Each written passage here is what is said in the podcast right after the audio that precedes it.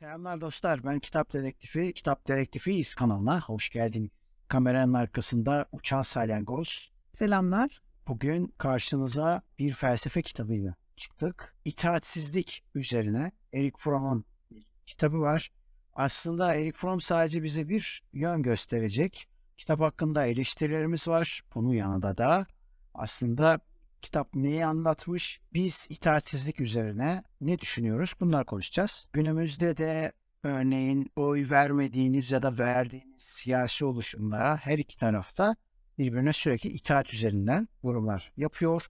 Dolayısıyla da bunun için biz itaat nedir konusunun önemli olduğunu düşünüyoruz. Yani örneğin senin destek vermediğin bir siyasi oluşuma başkası destek veriyorsa o kişiye itaat mi etmiş oluyor ya da neye göre biz bunu söyleyebiliyoruz? Bunları birazcık irdeleyeceğiz. Şimdi bu noktada da tabii itaatsizlik üzerine Eric Fromm'un bir kitabı var. Biz say yayınlarında karşılaştık onunla. Ancak kitap fazla sadeleştirilmiş. Bu yönüyle de aslında anlaşılması zor bir kitap haline gelmiş. Ancak mesela başlangıç kısmıyla son kısmı arasında ciddi kopukluklar var. Bölümler arasında ciddi sıkıntılar var. Ama kitabın tam metin halini görebilirsek eğer aslında kitap için olumlu şeyler söyleyebiliriz. Yani tabii bağlam anlamında söylüyorum bu olumlu. Bu yönüyle mesela itaatsizlik üzerine yaprak yayınlarından çıkan var. Tabii eski basımlar oldukları için internette gerek pdf'ini bulabilirsiniz ya nadir kitap gibi sahaflar gibi yerlerden alabilirsiniz bu kitabı. Şimdi biz ama her iki kitaptan da bakacağız. Yani tam metin olandan da bir de aynı zamanda da say yayınlarından bakacağız. Biraz derinlikli bir konu olacak. Dolayısıyla video uzun gelebilir. Hiç sorun değil. Daha sonra devamlı izleyebilirsiniz. Şimdi Eric Fromm hakkındaki bilgilerden ziyade kısaca şöyle diyebiliriz. Yani bir biyografisi değil de bunun yerine görüşleri, düşünce Evet, politik görüşleri anlamında söylemek için söylüyorum. Ee, bakmak daha yararlı olur. Bu yönüyle de tabii ne söyleyebiliriz? Kelime tam anlamıyla aslında felsefeciden de ziyade aynı zamanda yani hümanist sosyalizmi savunuyor. Aslında hümanist Marksizmi savunuyor daha doğrusu kelimenin tam anlamıyla hümanist Marksizmi savunuyor. Nedir bu hümanist Marksizm diye bakmamız gerekiyor. Yoksa kitap çok havada kalıyor. Hümanist Marksizme göre Marx'ın kendisinin tamamen bir ideoloji olarak aslında hümanistliği savunduğunu iddia ediyor. Buna göre hümanizm aslında hiç kimseye zarar vermeyecek insan merkezli bir görüş. Ve o zaman tabii şöyle bir şey oluyor. Kapitalistlerin söylediğinin aksine hümanizm insancıl olduğu için kapitalistlerin aslında hümanist olmadığını tamamen barbarlık üzerinde sistemi kurduğunu söylüyor. Yani aslında şöyle söyleyebiliriz. Her iki taraf birbirinin taban tabanı zıttı diye düşünebiliriz. Tabi Marksizm olduğu için hemen bir şey alabilir, bir yargı alabilir. E, Marksizm işte kapitalizm tabii ki karşısında yer alacak gibi bir görüş olabilir. Ancak Marksizmden de ayrılan bir nokta var. Çünkü Marksizm aslında sınıfsız ve sınırsız bir dünya için mücadele edebileceğini söyler ve bunun en nihayetinde de belirli pratik, pragmatist tamamen bir görüşler silsilesi oluşturur. Ancak bazı içerisindeki oluşumlar bunu rasyonel sosyalizme çevirmeye çalışırlar. Daha akılcı, sonuç odaklı. Aslında gerekçeler hiç umurunda değil değil. Tamamen umurunda olan böyle yaparsak artısı şudur, böyle yaparsak eksisi şudur. O zaman biz artı yönünden gidelim. Kalan sağlar bizimdir. Yani bedeli her ne olursa olsun bunu verelim. Yeter ki başarıya ulaşalım mantığıyla hareket edenler. Bu yönüyle de aslında e, Eric Fromm'dan ayrılma noktasına geliyorlar. Çünkü aslına bakarsak belirli süreçler aşamasında Marksizm kelimenin tam anlamıyla sınıfsız sınırsız bir dünya için tabii ki iktidarlarla alıp veremediği vardır. Dolayısıyla da bu noktada kan dökülüyor. Yani bu kan dökülme tasvip edilip edilmemesi bir kenara karşı taraf iktidarı bırakmamak için savunmaya geçer. Yani bu yönüyle de ilkel bir refleksten bahsediyoruz. Yani tırnak içerisinde hümanizmin iddia ettiğinin aksine bir durumdan bahsediyoruz. O yüzden hatta o kadar aksine bir durum ki hümanizm istediği kadar biz silahlanmıyoruz, biz işte efendim kan dökmeyeceğiz desinler. Karşı taraf kendi iktidarına bir tehdit olarak görüyorsa ya onu çok sert bir biçimde bastırıp kanla çözümünü yapar. Zaten o yüzden insanlığın bulduğu ordular vardır, insanlığın bulduğu e, polisler vardır, insanlığın bulduğu aslında kolluk kuvvetleri vardır kısacası. Dolayısıyla da bunun en nihayetinde kesinlikle ve kesinlikle kan dökülür. Ve bunu bakın ısrarla söylüyorum. Şimdi yanlışa başka yerlere çekilmesin diye söylüyorum. Buradan efendim bunu o zaman teröristlere mi şey yapılıyor? Hayır. Bu işin doğasında vardır. Ya sonuçta savunma bile yaptığında hani karşı tarafa bir ileri girişi yapmadığında savunmaya kalkıştığında bile sonuçta kendini koruman için bir aracın olması gerekiyor. Bir alet olması gerekiyor. E tabi aynen öyle. Bundan da zaten öne çıkar ki bu da bir güya hani şey olarak insani bir duygu şeyin içine giriyor. Evet. E, iyi veya kötü olsun sonuçta insani bir varlığın e, yarattığı bir savunma sonucunda ortaya çıkan bir şey aslında. E tabii bir savunma mekanizması aslında. E, ama bu sıkıntı olan şu. Bu var olan savunma mekanizması bir noktadan sonra şeye dönmeye başlıyor. İşgal noktasına gitmeye başlıyor ve bu oluşan işgaller işte karşı tarafın savunmasına dönüyor. Çünkü zaten işin mantığı olarak da sen ne diyorsun ya savunma var. Kime karşı savunma? Demek ki saldıran var. E peki bu saldırı ve savunmayı kim neye göre yapamazsın yani. Evet, kim neye göre belirliyor? Bir belirleme sınırı var. Dolayısıyla da aslında bu ilkelliğimizden gelen bir sonuca doğuruyor. Yani silahın olmasının temel sebebi savunma eyvallah ama savunma neye göre? Bakın tekrar söylüyorum. Silaha göre bir savunma hali geçiriyor. Dolayısıyla insan merkezinde bir sıkıntı doğmaya başlıyor. Zaten benim bireysel görüşüme göre insanlık sürekli olarak bir paradoks halinde olduğu için savunma ve savaş halinde gidiyor.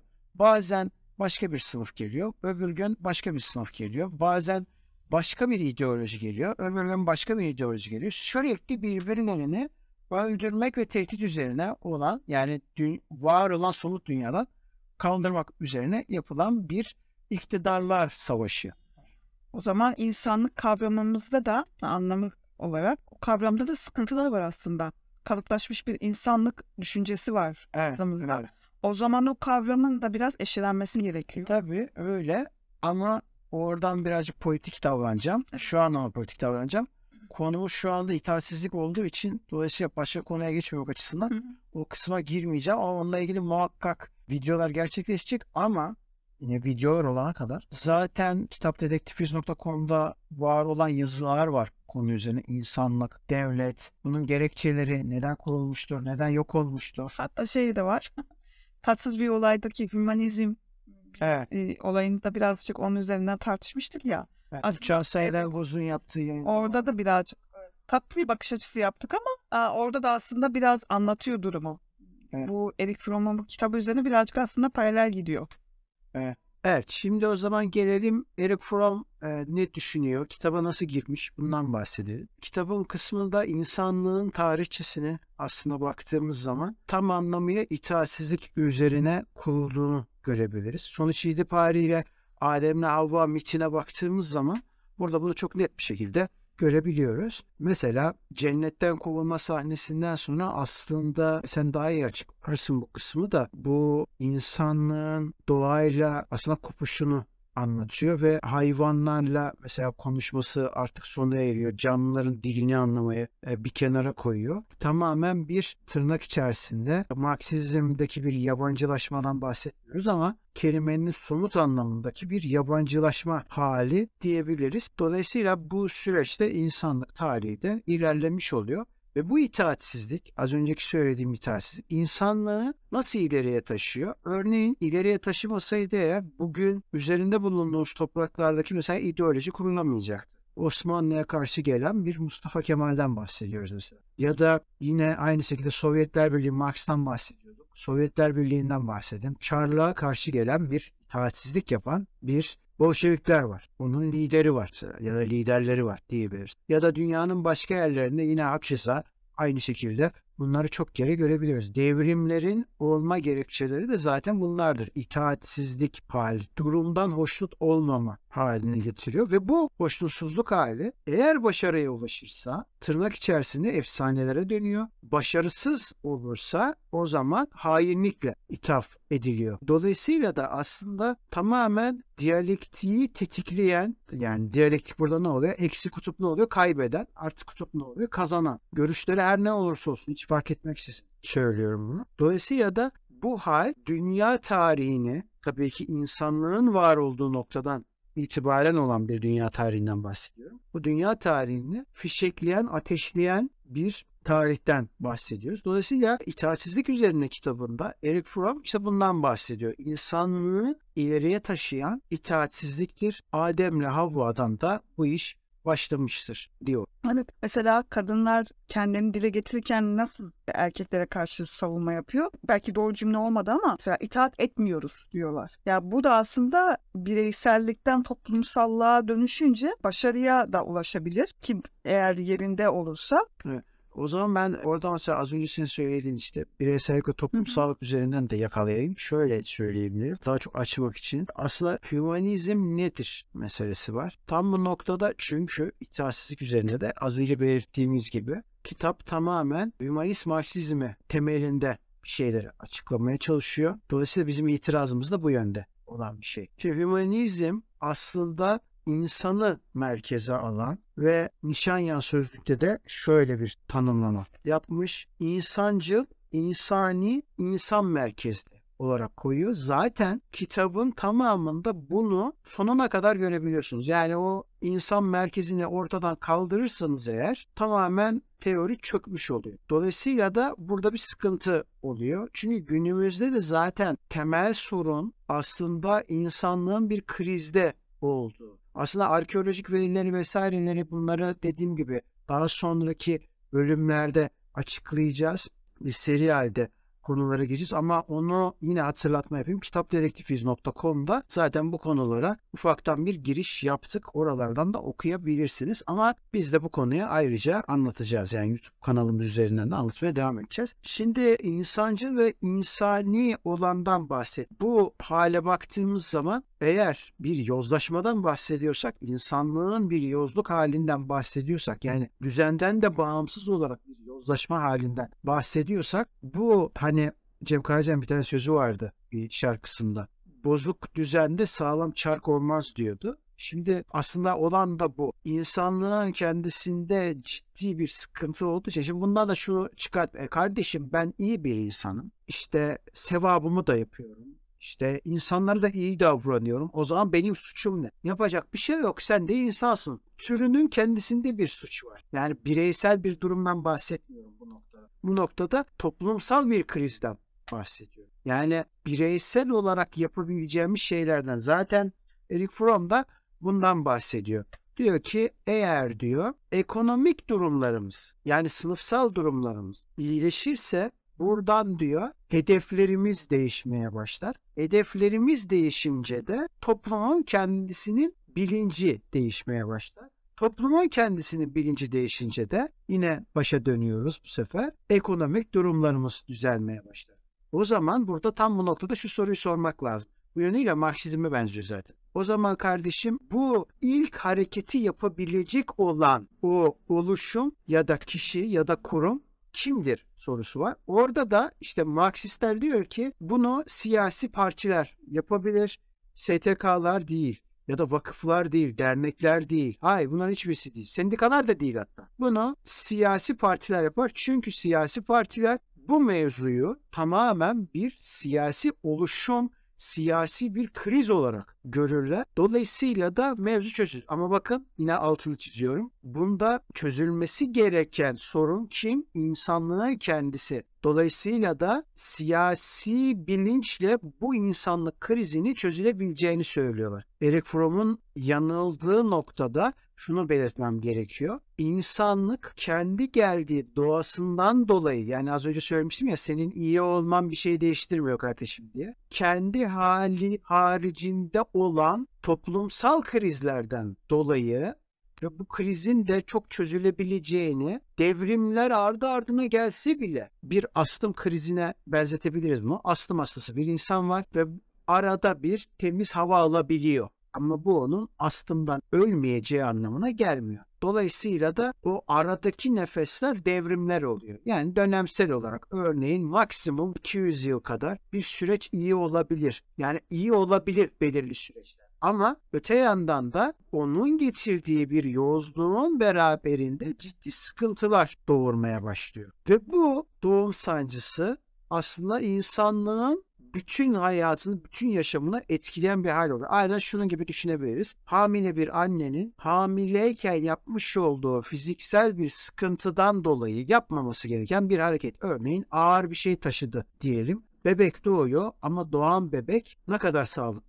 Dolayısıyla da bizim sorunumuz bu insanlığın ta kendisi oluyor. Toparlayacak olursak en sonunda geldiğimiz noktada Eric Fromm şundan bahsediyor. Diyor ki eğer insanlığı eğitebilirsek mevzuyu çözebiliriz. Yalnız şöyle bir sıkıntı var. İnsanlığı kim eğitecek? Bu sefer de bu soru var. İnsanlığı eğitecek olan oluşumları da o yoz toplumun içerisindekiler temiz olduğunu göreceli olarak söyleyerek. Mesela iki tane örnek vermiş. Temel sıkıntım da orada başlıyor aslında. Örneklerden birisi diyor ki öğrenciler ve öğretmenler arasındaki ilişki ile köleler ve aynı zamanda sahipleri tırnak içerisinde arasındaki kişiler bilinçli bir itaatten bahsediyoruz diyor Fromm. Yani diyalektik bir itaatten bahsediyor. Bütün itaatsizlikler iyidir demiyorum diyor. Aksine bir kısım itaatler iyidir, bir kısım itaatler de kötüdür diyor.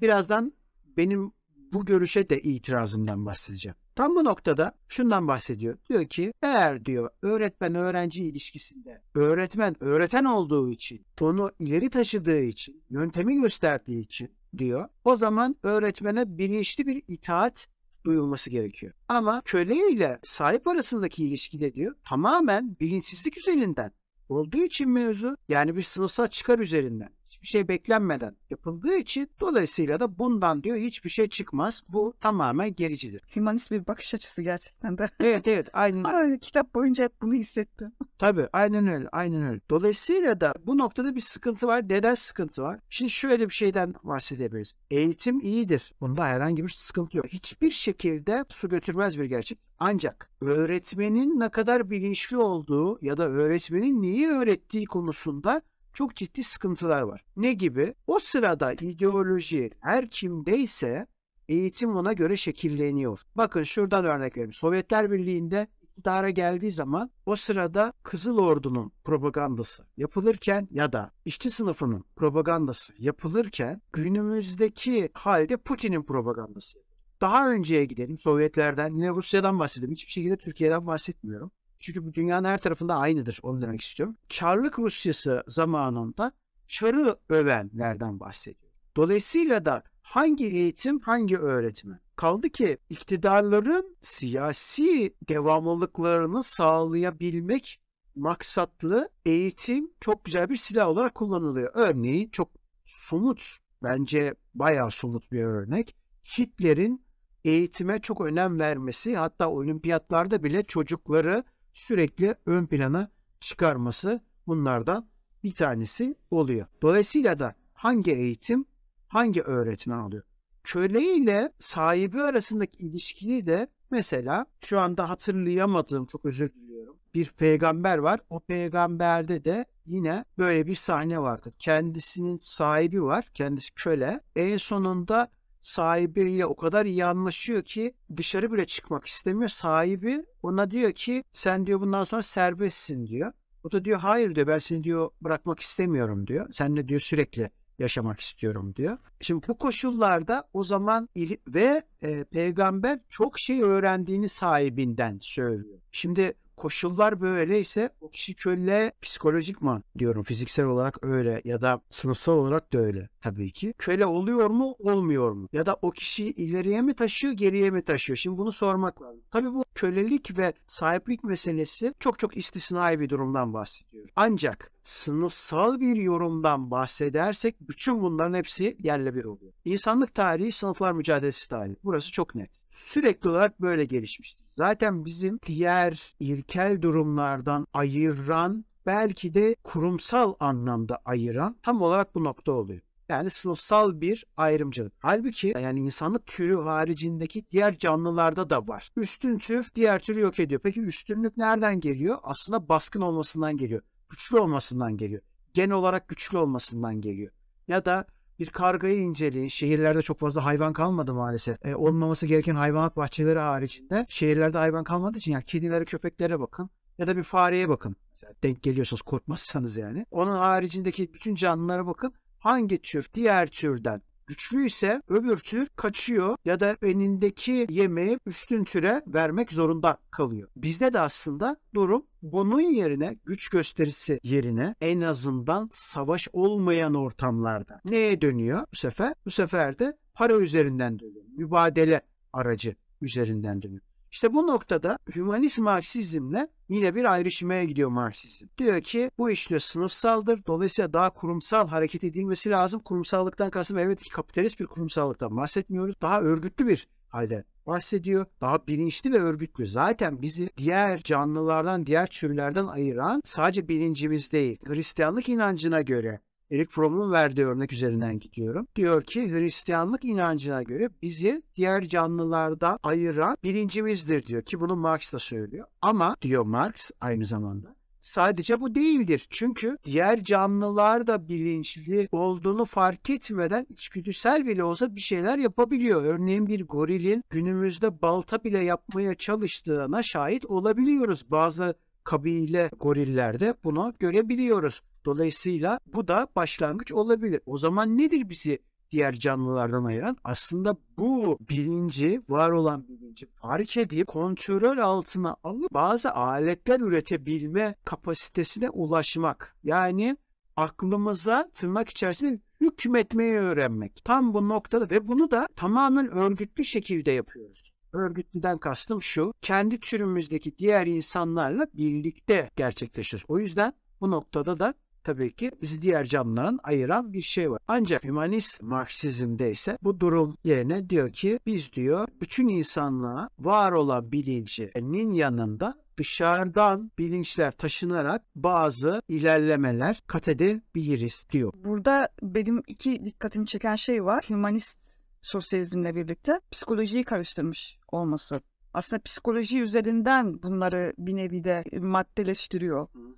Bir ikincisi de psikolojiyi karıştırdığı için bir de üstüne sistemin etrafında dolanıyor. Evet. evet. Yani asıl sıkıntıyı sorunu yaratan şeyleri yok etmeyle uğraşmıyor da işte aslında birazcık Stalinci bir bakış açısıyla gidiyor. Hani uzaktan böyle bir onu bir düzeltelim bir yontalım, bir heykelini birazcık daha düzgün yapalım düşüncesiyle gidiyor. Aşamalı devrim mantığıyla.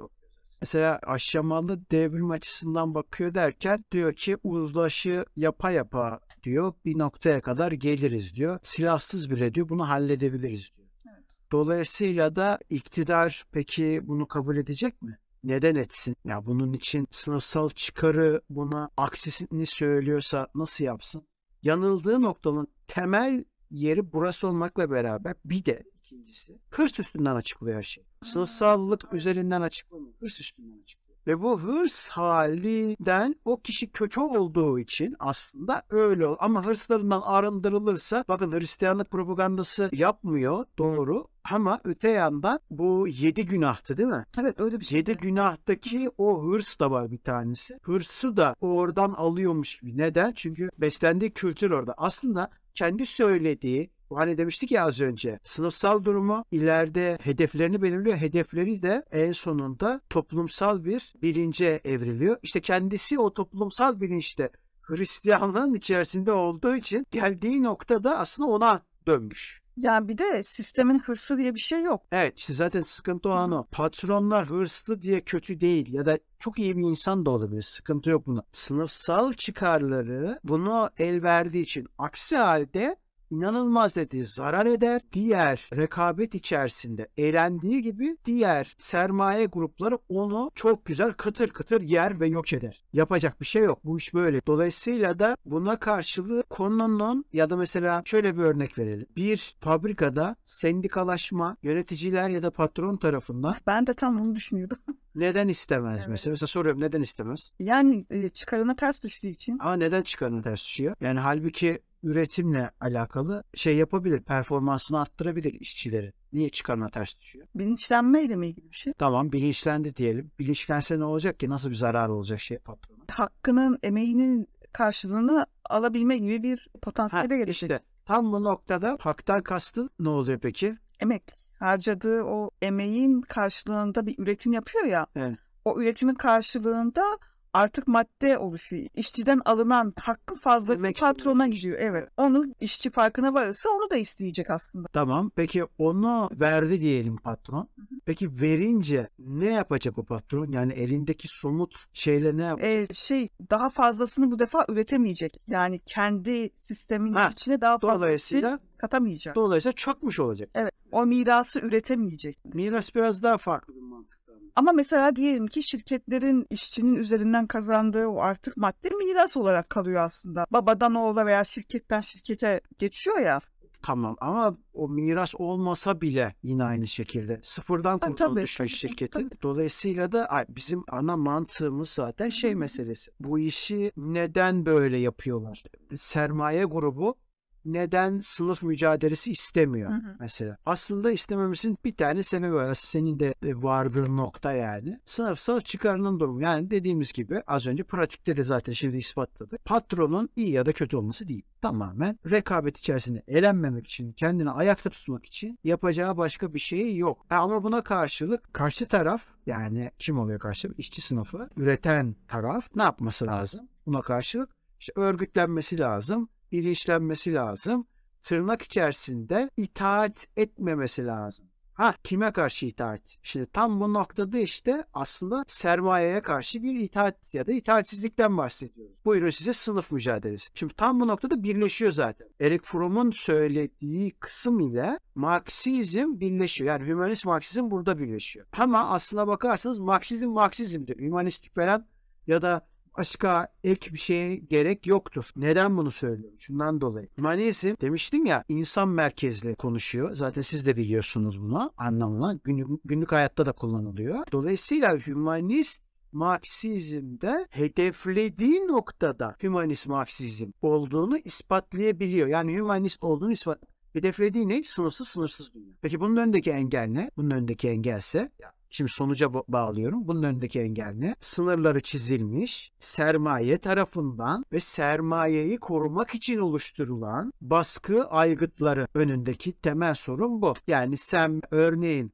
bankaya borcun varsa eğer evine el konuluyor ama aynı senden bahsedelim. Banka evine el koysun diye bir yönüyle de sen o toprak için canını veriyorsun. Şimdi dolayısıyla da tam bu noktada iki taraf birbirine iç içe geçmiş oluyor. Yani şunu demek istiyorum çok basite indirgersek ya. Sınırlardan bahsediyoruz. Sınırlar neylerden oluşuyor aslında? Teknik olarak maddi vergiye bağlayabileceğin ve vergiyi vermeye kabul ettirdiğin kişilerin kendi güvenliğini sağlamak açısından var olan sınırlar bütününe ne diyoruz? Vatan diyoruz. Bu sadece Türkiye açısından düşünmeyelim. Bu dünyanın her tarafında böyledir. Yani sonuç itibariyle dünyanın her tarafında böyle diye sınırlar var zaten.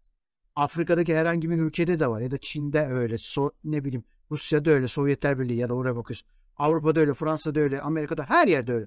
Yüzlerce ülke var. Neye göre oluyor bu ülkeler? O sınırlarla oluyor. Peki o sınırların ayakta kalması için neye gerek var? Kapitalist düzen içerisinde maddi bir güce ihtiyacı. Yani senin benim vergisine ihtiyacı var. Dolayısıyla da onları ayakta tutan bir maddi kuvvet var. O maddi kuvvet ki seni bunun karşılığında sen vergini verdin diye senin güvenliğini sağlıyor. Tamamen devlet sistemi öyle. Yine dolayısıyla bunun üzerinden de bir sınıf mücadelesinden bahsedebiliriz. İşte burada hümanist Marksizm ciddi olarak yanılıyor. Ne anlamda yanılıyor? Az önceki söylediğim gerçeklik ortadayken bu iktidarının bu elindeki parayı, bu sınıfsal çıkarını kati surette vermek istemez. Vermek istemediği için hele hele bir de kendi bireysel yani aslında gelmiş olduğu nokta olan az önceki söylediğimiz yine üçlü yere tekrar geliyoruz. Başlangıç için söylüyorum. Ekonomik durumu. Hedeflerini belirliyor. Hedefleri de toplumsal bir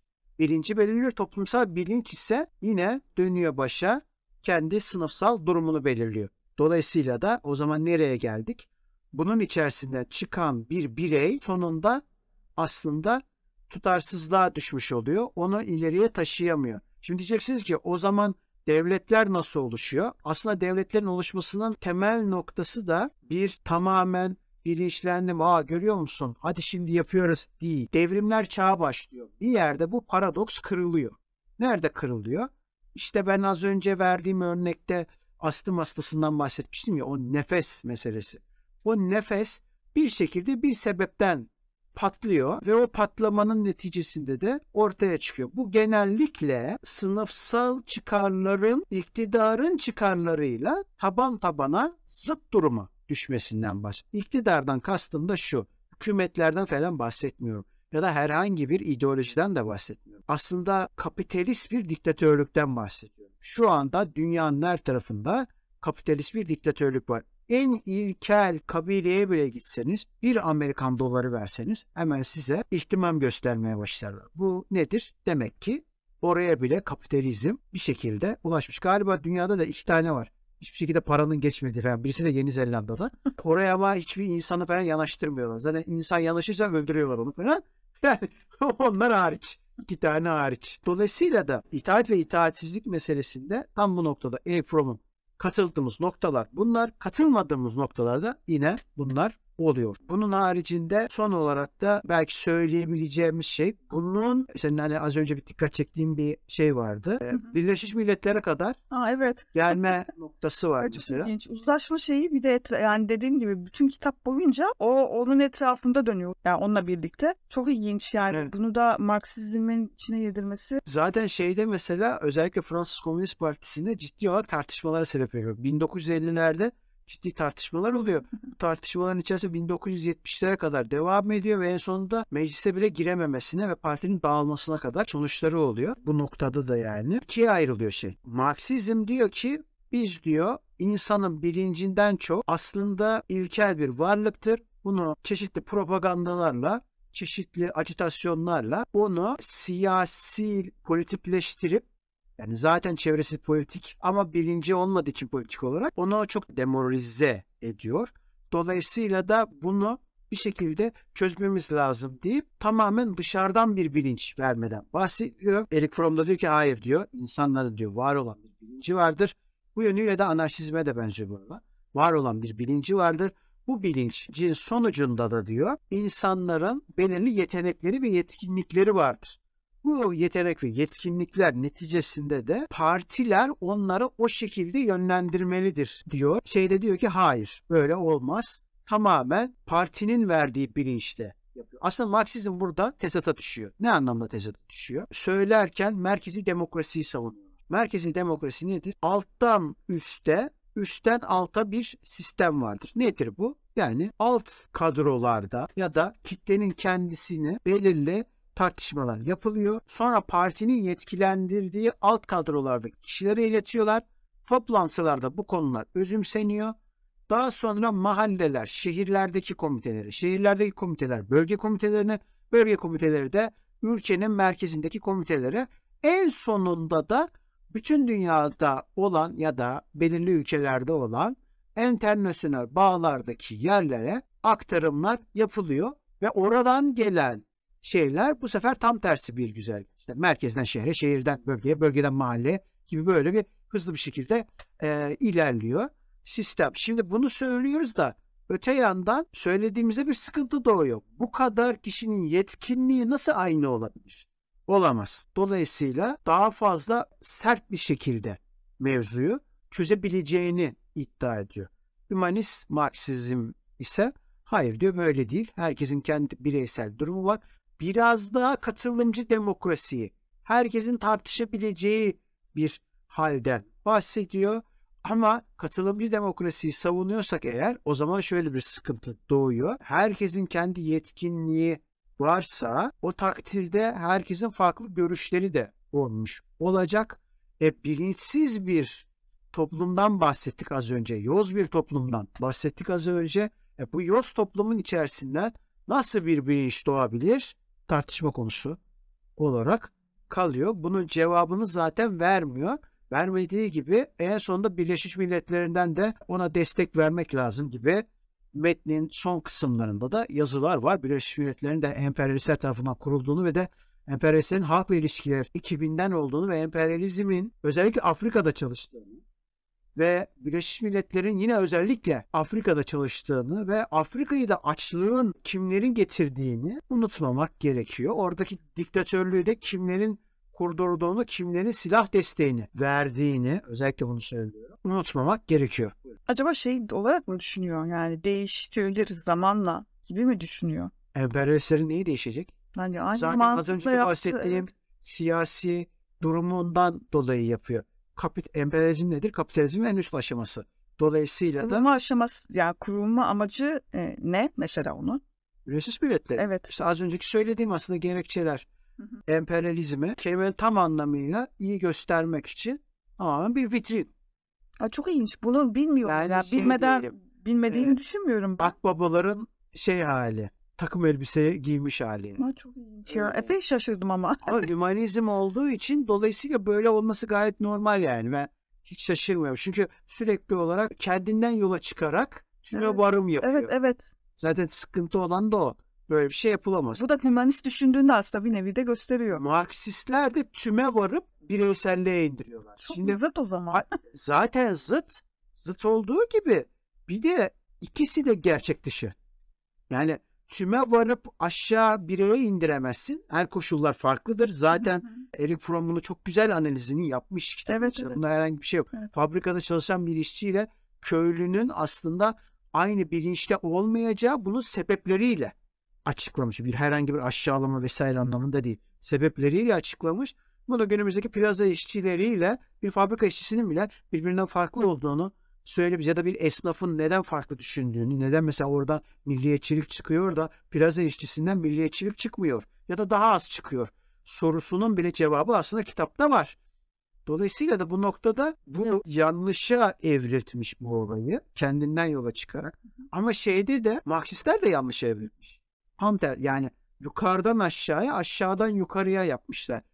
Biri iki yöntemde uygulanamaz. Yani her bölgenin her bölgenin, her yerin, her iklimin birbirinden farklı koşulları vardır. Dolayısıyla bu koşullar neticesinde de tırnak içerisinde Marksizm bir çözüm üretemiyor maalesef. Ürettiğini zannediyor, üretemiyor. Bu noktada ama şunu da hakkını teslim etmek lazım. Dünyadaki mücadelenin ve de ateşleyici dinamiğinin sınıf mücadelesi olduğunu da unutmadan ama getirdiği çözümün gerçek dışı olduğunu da teslim ederek olaya bakmak lazım. Çözümsüz bitirmeden bahsediyorum. Benim söylediğim çözümsüz. Çünkü mesela Eric Fromm çözüm getirmiş. Marksizm de kendince çözüm getirmiş. Bu yönüyle de aslında şey diyebiliriz. Kendince rasyonel bir kitap diyebiliriz. Marksizme de rasyonel bir hareket diyebiliriz. Ama öte yandan da dünya ve doğa özellikle pragmatisttir. Dolayısıyla sadece sonuca odaklanır. İçeride dönen mikroorganizmaları çok takmaz yani. Aslında politik felsefe noktasında var. Bu kadar çok şey siyaset iç içe girmişken ciddi olarak tanımlarımızda sıkıntılar var ve bu tanım kargaşasının içerisinde bir siyaset oluşturmaya çalışıyoruz. Dolayısıyla politik felsefecilere bu noktada çok ciddi şey düşüyor ama politik felsefecilerden biri bir elin 2-3 parmağını geçmez yani bırakın 5 parmağını falan. Onlarda böyle tanımlamalarda ciddi sıkıntılar var. Oradan kopyala yapıştır, oradan kopyala yapıştır. İşte Aristo şunu söylüyor, Platon bunu söylüyor. İşte Zizek var abi, orada o da bunu söylüyor. Söyleneni zaten ben internette bulabilirim yani herhangi bir şekilde ya da o kişi geliyor açıklamalar yapıyor falan bunları bulabilirim. Siz ne düşünüyorsunuz? Sizin görüşlerinizde bu konu hakkında hiçbir şey yok ya da bir kriz anında ne söylenebileceğine dair herhangi bir bilgi verilmiyor. Dolayısıyla da aslında bir sanal aklın sürekli olarak bu şeye getirme hali vardır ya. Alttan verileri çeker, kelimeleri birleştirir, kendisi bir şey koyar. Onun gibi oluyor. Halbuki bunun yerine bize bir sentez halinde sunulursa bence bu sorun çok güzel bir şekilde çözülebilir. Eğitim noktasında da zaten böyle. Hani az önceki verdiğim öğretmen öğrenci ilişkisinde bile bu iş böyle. Nedir? İşte yöntem öğretmesi lazım. Sorgulamayı. Evet sorgulamayı, yöntemi öğretmesi lazım. Bunu da söylerken abi ben o zaman matematiği öğretmeyeyim. Ya onu demiyorum. Sayısalda zaten herhangi bir sıkıntı yok. Tarihsel verileri zaten bir noktaya kadar verirsin. Bunda sıkıntı yok. Ama bir noktadan sonra noktadan kastım şu. Belirli bir yaş aralığına kadar, belirli bir sınıfa kadar verirsin. Ama sonrasında sürekli olarak şey mesela ben kendi ben örnek vereyim. Tarih dersinde ben aldığım eğitim boyunca 5 kere mi 6 kere mi ne aynı konuyu işlediğimizi hatırlıyorum. Yani ve sürekli sınıf atlatıyoruz. Sürekli olarak. Rönesans'ın Avrupa'daki dönemini anlatıyoruz ama Rönesans devrimde Osmanlı'da neler olduğuna dair hiçbir fikrimiz yok. Bırakın onu. Sürekli padişah tarihini öğrenmekten gündelik yaşam hakkında en ufak bir fikrimiz yok. Ben artık öyle bir noktaya gelmiştim ki Amerika keşfedildiği zaman domates yayılmaya başlıyor. Orada buluyorlar falan. Şunu düşünmüştüm o aklımda. Aa demiştim o zaman Fatih demek ki domatesin tadını bilmiyor ulan yaşama bak. Düşünceye bakar mısın? Böyle bir nokta için eğitim geldiği nokta bu. Dolayısıyla bir toplumu değiştirmek için evet eğitimi değiştirmek lazım doğru ama eğitimin bence kendisinden de ziyade yöntemini değiştirmemiz lazım. Sonra kendisini değiştir. Zaten yöntemi değiştirince öbürü de gelecek. Diğer şeyler de ya ben Google gibi öğretmenden bir şey öğrenmek istemiyorum. Yani sürekli aynı şeyleri zaten Google'da da öyle sürekli hep aynı şeyleri karşımıza çıkartmaya başladı falan.